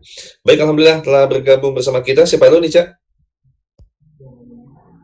Uh, Zini dulu. Baik, Zini. baik. Ya, Silakan kepada sini pertanyaan langsung ke ibu pertanyaannya kami silakan. Bismillah. Assalamualaikum warahmatullahi wabarakatuh, Ustaz. Assalamualaikum. Izin bertanya. Uh, jadi begini Ustaz, uh, Anda boleh cerita sedikit dulu Ustaz. Sedikit ya Mbak, sedikit ya Mbak pertanyaannya. pertanyaannya. Ya. uh, jadi begini Ustaz, kondisinya uh, Ana ingin mengenalkan maksudnya ajaran uh, sesuai hmm. sunnah hmm. kepada keluarga anak Ustaz. Alhamdulillah hmm. dapat uh, yang bisa uh, mengajarkan begitu Ustaz. Nah, hmm. jadi ada orang uh, jadi ada uh, kakak orang tua anak tiba-tiba di tengah jalan pelajaran ingin masuk uh, belajar juga Ustaz. Karena Masya Allah Ustaz maksudnya sebagai anak pun anak masya Allah dengan semangat belajar uh, orang tua Ustaz. Cuman Anda tahu sifat beliau Ustaz, maksudnya uh, dengan umur yang segitu uh, beliau sudah ber, uh, hampir um, 80 tahun gitu Ustaz. Yeah. Nah, yeah. dengan sifat ya maksudnya lumayan keras dan maksudnya ya dengan kajian yang uh, masih banyak didengar karena takut justru uh, banyak mendebat uh, banyak terjadinya perdebatan begitu Ustaz. Dan anak takut uh, maksudnya orang tua anak jadi banyak terkena syubhat dan maksudnya banyak pemikiran anak gitu Ustaz. Takut iya, iya. gurunya kaget-kaget juga Ustaz. Karena uh, beliau. Nah uh, sebagai anak pun itu tadi uh, anak ingin juga uh, kalau bisa ya kenapa tidak begitu Ustaz? Cuman ragunya jadi begitu Ustaz. Uh, sebaiknya uh, sikap apa yang anak ambil begitu Ustaz. Iya. mungkin cukup bisa cukup dipahami Ustaz yeah, yeah. dan barakallahu yeah. Silakan Ustaz. Iya. Jadi uh, sesuai dengan pertanyaannya ya, tetap aja dilangsungkan. Misalnya mau ada belajar ya, mau ada kajiannya langsungkan. Tapi dengan catatan ustadznya dikasih tahu dulu ya yang akan memberikan pelajaran dikasih tahu dulu bagaimana keadaan pengajian, bagaimana keadaan audiensnya itu dikasih tahu. Ya. Misalnya Ustadz, saya uh, nanti ayah saya ikut kajian dan ayah saya itu cenderung orangnya seperti ini dan seperti itu. Ya. Jadi Ustadz bisa menyiapkan, nggak kaget dan lain sebagainya. Ya. Itu kira-kira yang bisa kita lakukan. Ya. Dan uh, selain itu kita serahkan kepada Allah Subhanahu wa taala Ya, selain itu kita serahkan kepada Allah Subhanahu wa taala. Ya.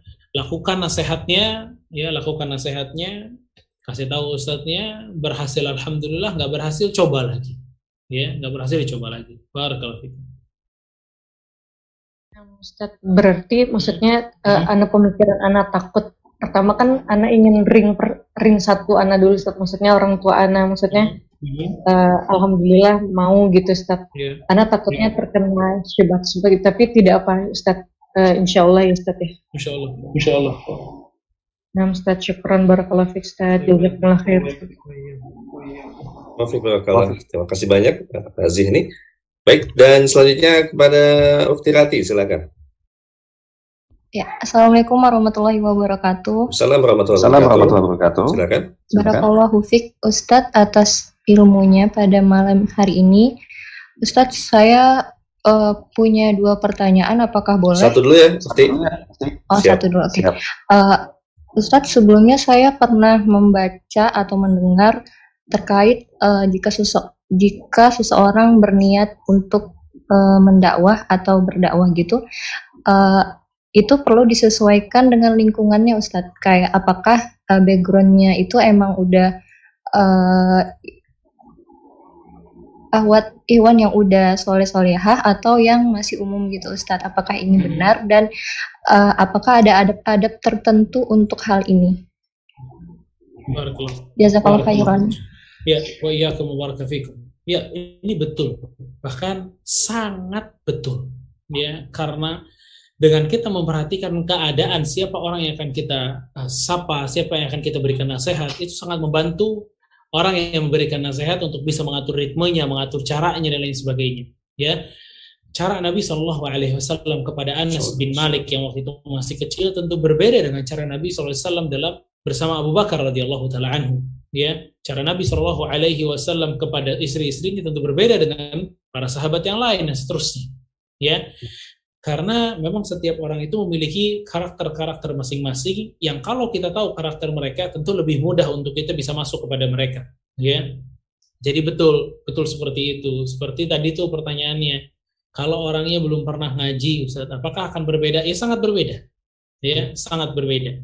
Dan ini yang menjadi masalah untuk sebagian ikhwan. Ya untuk sebagian ikhwan ataupun akhwat. Mereka udah lama ngaji udah 10 tahun ngaji Terus kemudian ustadz yang sama ngisi kepada orang yang baru ngaji. Tentu caranya, bicaranya itu berbeda. Ya, sangat berbeda disesuaikan dengan audiensnya seperti apa.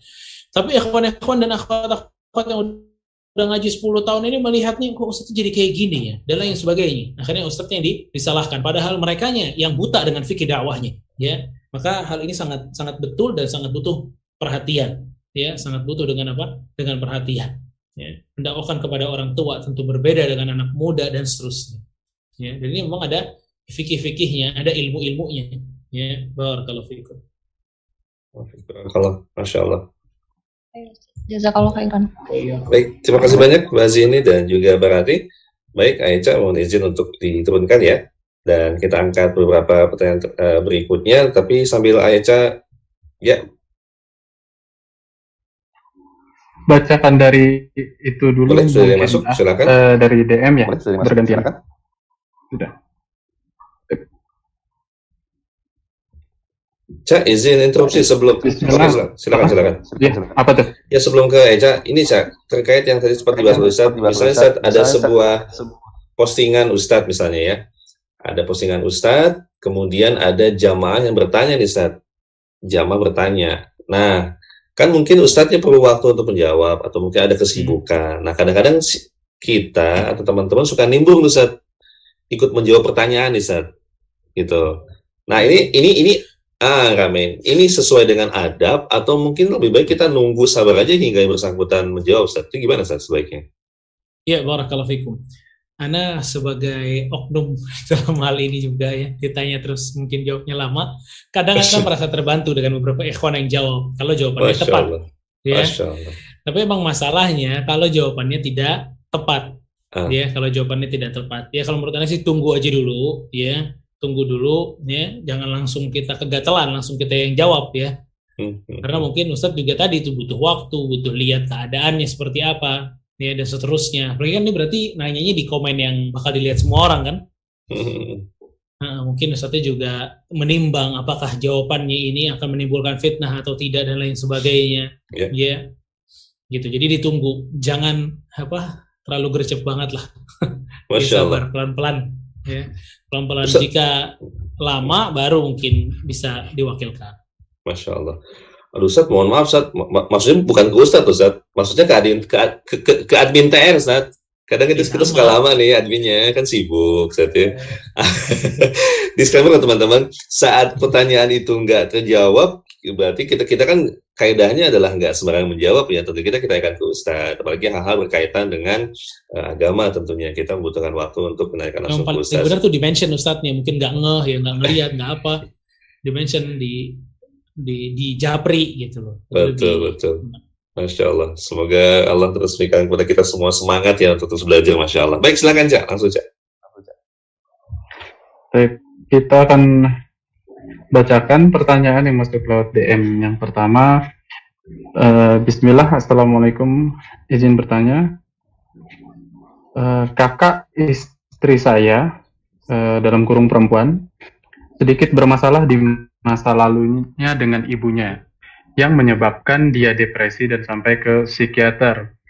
Sekarang setiap berkomunikasi dengan ibunya, kadang depresinya muncul sehingga psikiaternya juga menyarankan agar beliau membatasi komunikasi dengan ibunya. Qadarullah, beliau agak melenceng dari agama, jadi ibunya sangat ingin mengembalikan dia ke Islam, tapi sulit untuk berkomunikasi dengan anaknya tersebut. Apakah saran dari psikiater ini adalah jalan yang benar menurut Islam?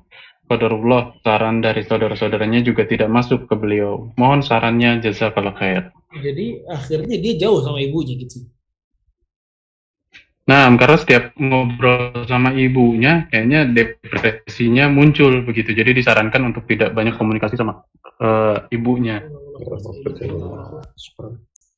Ya, uh, memang mesti di apa? Mesti ditanya dulu sama psikiaternya, apakah itu benar merupakan jalan yang paling baik untuk bisa meringankan penyakitnya. Dan kita tentu berharap kalau kita mundur satu langkah seperti itu, ya kita berharap nanti kita maju dua langkah gitu. Jangan terus komunikasinya dikendorkan beberapa waktu, akhirnya malah kendor terus gitu loh. Ini berarti obatnya nggak bener, ya obatnya nggak bener. Ya. Makanya mesti ini dipastikan dulu gitu loh psikiaternya. Kalau psikiaternya bilang ini teruji dan lain sebagainya, dikendorkan dulu beberapa waktu, kemudian disambungkan lagi, maka ini boleh, ya, maka ini boleh. Tapi kalau tidak seperti itu, maka tidak ya. Dikendorkan itu berarti bukan tidak sama sekali ya. Bukan tidak sama sekali. Kalau tidak sama sekali sepertinya berat ya. Ini juga uh, melihatnya seperti itu ya. Berat. Kalau kalau sama sekali dia tidak apa tidak ada komunikasi dengan ibunya cukup berat ya tapi kalau dikatakan psikiater itu ada maslahatnya dikendorkan beberapa waktu dan seterusnya maka ya tentu maslahatnya kita kedepankan Allah taala baik masya Allah, masya Allah. Syukran Cak. Baik, dan setelah ini kita akan angkat dua pertanyaan, tapi kita akan sampaikan lagi satu pertanyaan via uh, eh, DM, kali ini via DM Instagram. Ustaz, Ustaz, bagaimanakah kalau ada teman yang melakukan kesalahan, tetapi kita sebagai teman rasa sungkan, Ustaz, untuk menasehati, Ustaz? Apakah ini sikap yang benar, Ustaz, seperti tadi? Iya. Ini bu, ini bukan Umar bin Khattab, Ustaz, tapi ini teman kita, Ustaz, gitu Tapi kita iya. sungkan buat nasihatin, Ustaz. Iya. Uh, Barakallahu fikum. Sungkannya kita dalam menasehati seringan dari setan. Allah Ya. Kan uh, Anda juga sering bilang, saya juga sering bilang gitu ya, bahwa banyak orang nggak mau nasehatin karena ntar kalau gue ngomong dia begini, ntar kalau gue nasehatin dia ntar begini. Udah aja. Khawatir, khawatir, khawatir, khawatir, khawatir, khawatir. Isinya khawatir. Isinya ketakutan. Ya, Hal ini dari syaitan. Setan ini pengen bikin gagal Anda menasehati saudara Anda. Hmm. Ya, itu yang diinginkan oleh oleh setan, ya. Maka pada saat Anda udah berazam untuk memberikan nasihat kepada seorang bismillah jalanin. Ya, resiko Ustaz. Iya semua juga ada resiko. Ente diem begitu juga ada resiko nanti depan Allah. Kenapa diem melihat kemungkaran? Ya. Pada saat Anda mau maju menasehati sahabat Anda yang jatuh mungkin dalam kesalahan atau yang lainnya, maka maju. Ya, maju. Ya. Dan mudah-mudahan teman Anda juga bisa menerima dengan lapang dada. Ya. Jadi intinya maju karena itu kebanyakan bisikan dari syaitan dan yang mematikan amar ma'ruf nahi mungkar saling menasehati itu juga banyakkan bisikan dari syaitan. Kita lihat banyak banget yang mati. Ya, Anda dulu ingat di Masjid Nabawi itu mahasiswa eh, dia ngelihat ada orang minum pakai tangan kiri, lari, lari depan anak dia lari. Anda pikir ada apa ya? Dia lari cuma buat ngebilangin minum tangan kanan pak, gitu aja. Masya Allah.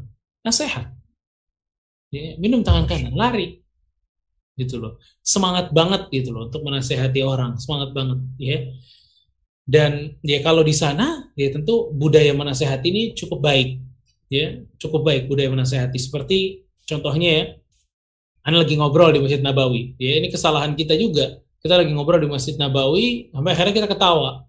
Itu ada orang datang, dia bilang, dia nasehatin kita. Ya, dia bilang ini Masjid Nabi. Anda jangan ketawa-ketawa seperti itu, ada ngaji. Gitu. Ini subhanallah. Ya, kita ucapkan jazakumullah khair. Semoga Allah membalas kebaikan dia. Ya. Dan maksudnya budaya menasehati dan nggak terjadi apa-apa. Nggak terjadi apa-apa. Ya, maka kebanyakan ya eh, orang mundur untuk menasehati gara-gara ada khawatiran dari dari syaitan. Maka dilawan kekhawatiran. Baik, Hafiq kalau Ustaz. Masya Allah. Baik Ustaz, sebelum ke kuis Ustaz, kita akan menyapa sahabat kita nih yang Masya Allah sedang Allah berikan uh, keberkahan iya. berupa berguguran dosa-dosanya, Masya Allah ya, transfer pahala, lapaknya rame saat di ajang perdebatan saat. Assalamualaikum Kang Uki, damang Kang. Waalaikumsalam. Masya Allah, barakallahu fiik. Ahlan. Sehat Kang Uki ya? Sehat Kang Uki ya? Masya Allah. Masya Kayaknya follower nambah nih saat Kang. Follower apa haters Kang? Masya Allah. Engagement naik. Masya Allah. Kalau kira ada yang mau diseringkan atau ditanyakan ke Ustadz Gang, silakan Ustadz Gang, silakan Gang, Masya Allah. Iya, Alhamdulillah uh, tadi setelah mendengar ya, jadi uh, banyak masukan juga tadi dari mulai sikap kita gimana ketika menghadapi hal-hal seperti itu, hmm. terus baiknya kita seperti apa. Jadi uh, uh, apa ya, bukan hanya sekedar nasihat kalau ngalamin kayaknya langsung uh, ini ya, jadi apa memberi banyak sekali banyak uh, ilmu sih kalau saya sendiri. Mm-hmm. Tapi benar juga tadi uh, ya baiknya kita diam juga, dan malah kita juga kita lihat juga banyak juga karena banyak teman-teman kita juga malah bahkan yang sudah pada ngaji uh, tenggelam dalam perdebatan itu. Yeah. Jadi uh, masuk ke dalam fitnahnya itu sendiri gitu. Jadi uh, ketika tahu tadi ada baiknya kita juga menahan diri. Yang paling sekarang terlihat itu adalah uh, yaitu di umum ya menasehati di umum tapi malah jadi kelihatan niatnya ngapain nih orang gitu ya. Ya betul betul. Gitu. Malah mengeraskan hati juga selama pertama. Kau kita tapi Kau kita tapi dari yang komen di la, apa di komentar komentar dengan yang Japri yang Japri banyak juga kayaknya yang memang benar-benar serius mencari dan pengen tahu gitu ya. Alhamdulillah gitu mas. Uh, kalau mereka tulus seperti yang tadi Ustaz bilang ya, mereka uh, ada yang menasehati uh, dengan tulus pas kita ngobrol yang pada akhirnya dia pengen mengenal. Hmm. pengen lebih tahu lagi gitu. jadi memang benar kalau niatnya memang orang tulus mencari tahu bertanya insya Allah juga uh, akan dapat gitu ya hasilnya. Tapi kalau dari awal niatnya adalah udah memang pengen ngejatuhin lawan oh, itu udah udah parah. Berantakan. Yang di DM bisa lebih kejam lagi. Masya Allah. Masya Allah. Terus ada datang Gak ada, karena ketawa aja. Welcome to the club kan nah, Tapi Zat, tadi secara, secara umum saja ya, hmm. kan garis garis bawahnya adalah siap-siap siap saatnya iya. ada yang benci. Iya. Ya kan? Iya Nabi aja dibenci diusir. Nah itu. Kita baru di unfollow dong kan ya Masya Allah. Masya Allah. Masya Allah. Her, kau Ki jangan kapok ya bantuin sound kita.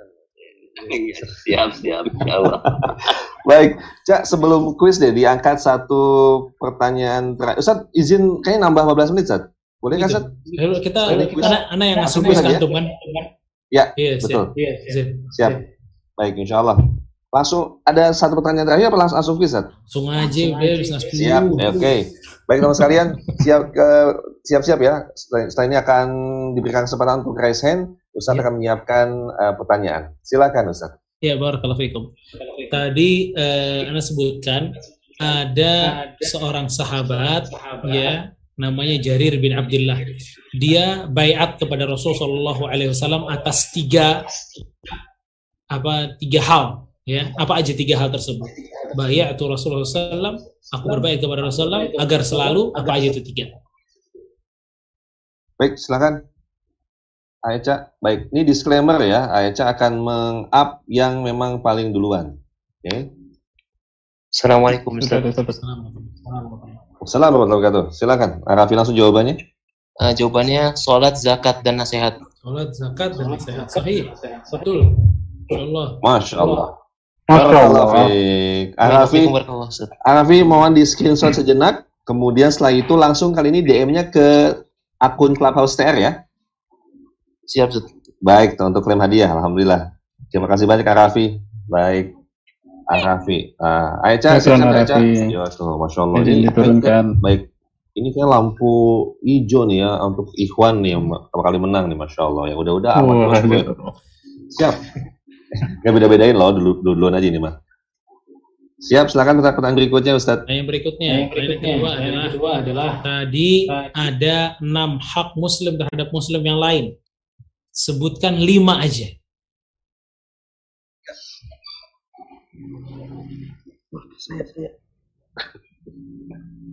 Oke. Okay. Ya, silakan sudah naik belum?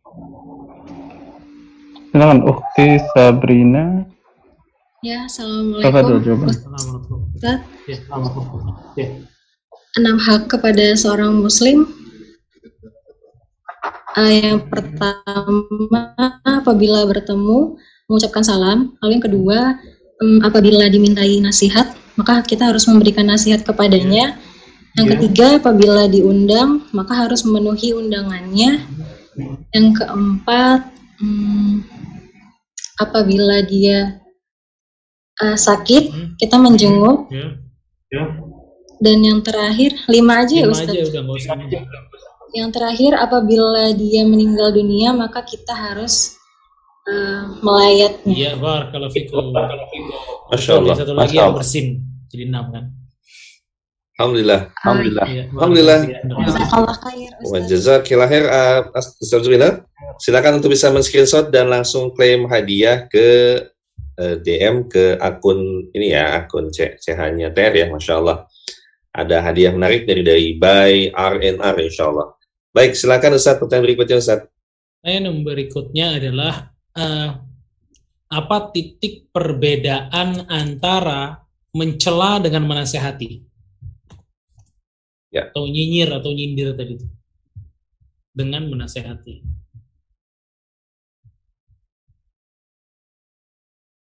Baik, perbedaan nyinyir dan menasihati. Silakan Aisyah.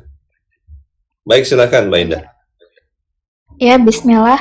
Jawabannya eh, perbedaannya jika mencela itu mempermalukan dan merendahkan dalam niatnya. Eh, kalau menasihat itu niatnya eh, ikhlas. Ya. Ya. Barakallahu fikum. Betul. Perbedaan adalah di niatnya, di tujuan Allah. Jazakallah khair. Jazakumullah silakan screenshot Mbak Indah langsung diklaim ke akun CHTR ya. Baik, untuk bisa berikan datanya. Terima kasih Mbak Indah. Selanjutnya. Ustaz silakan. Ya, barakallahu fikum. Tadi ada enam poin dalam memberikan nasihat. Ya, sebutkan tiga poin aja tentang memberikan nasihat. Adab-adab dalam memberikan nasihat. Silakan.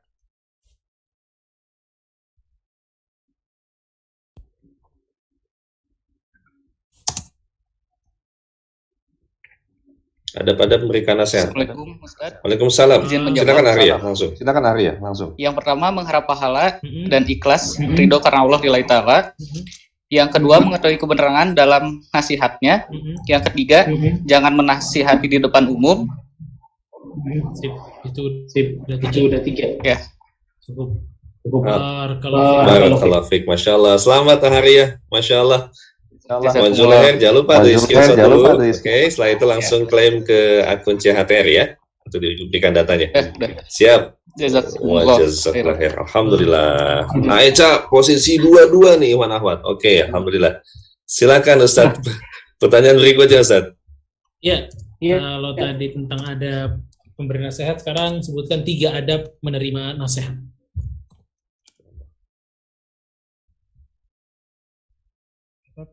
menerima nasihat. Ya. Silakan teman sekalian. Bismillahirrahmanirrahim. Assalamualaikum warahmatullahi wabarakatuh. Assalamualaikum warahmatullahi wabarakatuh. Assalamualaikum jika adab jika jika dinasehati itu adalah eh, berlapang dadalah terhadap nasihat orang terhadap kita. Yang kedua sayangi orang yang menasehati kita karena nasihat itu adalah bentuk kepedulian saudara kita. Dan yang ketiga adalah mendoakan orang yang menasehati kita. Ya, barakallahu Masya Allah, Alhamdulillah. Selamat Mbak Iva, Masya Allah. Ya silakan. Ya, silakan.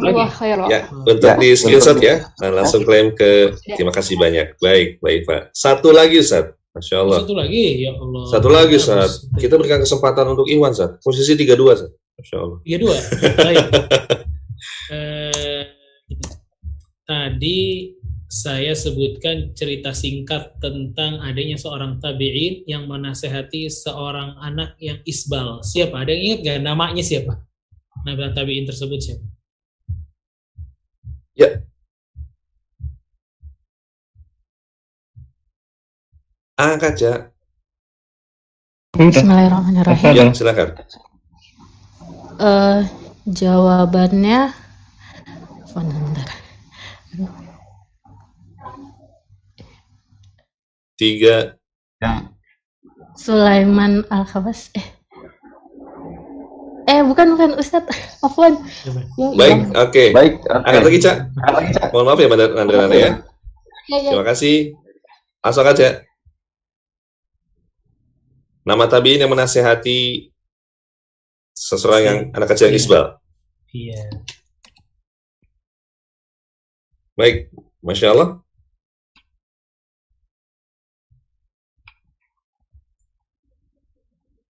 Ya, Belum naik. Iya. Oke. oke, silakan langsung. Oke. Mbak Fira. Eh, Bismillah, Eh, Silah bin Hisham bukan ya? Silahnya benar bin Asyam, ya nggak apa-apa tapi. Masya Allah, Alhamdulillah. Barakallahu fiik. Baik, selamat Mbak Fira ya, Masya Allah. Silakan langsung di screenshot ya, langsung diklaim ke akun uh, CH Drabani ya. Masya Allah, terima kasih Alhamdulillah. Alhamdulillah. Telah, ya Mbak Fira terima kasih banyak. Khair. Alhamdulillah hadiah telah tersampaikan dari Bay RNR, kemudian juga Samase, Drabani Izzah, dan juga kue jenitan Ustaz. Masya Allah Ustaz. Ustaz, Masya Allah, silakan mungkin Ustaz ada penutup Ustaz untuk kajian kita pada malam ini, silakan Ustaz. Iya, barakallahu fikum. Dari semua yang udah kita dengerin ya teman-teman sekalian, mungkin ada satu hal aja sebagai penutup bahwa kita dengar tadi adab-adab pemberi nasihat itu kalau kita dengar tidak ada yang namanya tunggu jadi sempurna baru memberikan nasihat itu nggak ada dalam kitab mana pun kita tidak akan menemukan itu kita tidak akan menemukan kalau yang memberikan nasihat itu harus sempurna, nggak ada. Ya, maka jangan tunggu sempurna. Kalau tunggu sempurna, nggak akan pernah keluar nasihat dari lisan kita. Nggak bakal pernah ada orang yang menasehati satu dengan yang lain. Makanya Jubair, Sa'id bin Jubair, beliau mengatakan, jika tidak boleh melakukan uh, amar ma'ruf nahi mungkar atau menasehati kecuali orang yang sempurna, niscaya tidak ada satupun orang yang boleh melakukannya. Makanya usahalah beramal dengan apa yang kita ucapkan dan saling menasehatilah. Barakallahu fikum, semoga bermanfaat. Kurang lebihnya saya mohon maaf. Wassalamualaikum Muhammad wa ala alihi wa sahbihi ajma'in. Masya Allah, kami ucapkan syukran wa jazakallah khair pada guru kita Ustaz Muhammad Ali Syakir Asyafidahullah Ta'ala atas penyampaian ilmu dan diskusi bermanfaatnya. Masya Allah. Terima kasih banyak Kang Denny, Aicha, Masya Allah, dan juga terima kasih banyak pada seluruh teman-teman yang telah mensupport dari Drabanias, Drabanias Izzah, kemudian juga Kue Janita, uh, at by RNR, kemudian juga pada Samase, Jazakumullah khair, dan bagi teman-teman yang akan berminat untuk mensupport kegiatan kita, silakan untuk bisa langsung uh, di DM ke akun CH Drabanias, kemudian silakan nanti akan ada nomor yang bisa dihubungi dan juga uh, form yang perlu diisi, dan juga jangan lupa silakan terbuka kesempatan terbaik buat kamu semua untuk mensupport kegiatan kita. Silakan untuk bisa menginfakkan harta terbaik di link di nomor rekening yang telah disediakan. Jazakumullah khairan. Baik hadirin sekalian kita akan baik Aicha hmm. di Rabu yang akan datang ya? Kajian Rabu malam pekan Betul, depan. insya Allah Baik, eh, alhamdulillah ya ana izin untuk tutup room ini. Baik. Dengan doa kafaratul Subhanakallah majlis subhanakallahumma wa Asyhadu an la ilaha illa anta, Assalamualaikum warahmatullahi wabarakatuh Waalaikumsalam warahmatullahi wabarakatuh tutup ya ya. ya ya. Ad. Afwan Barakallahu fikum YouTube ditutup. Ini nggak profesional.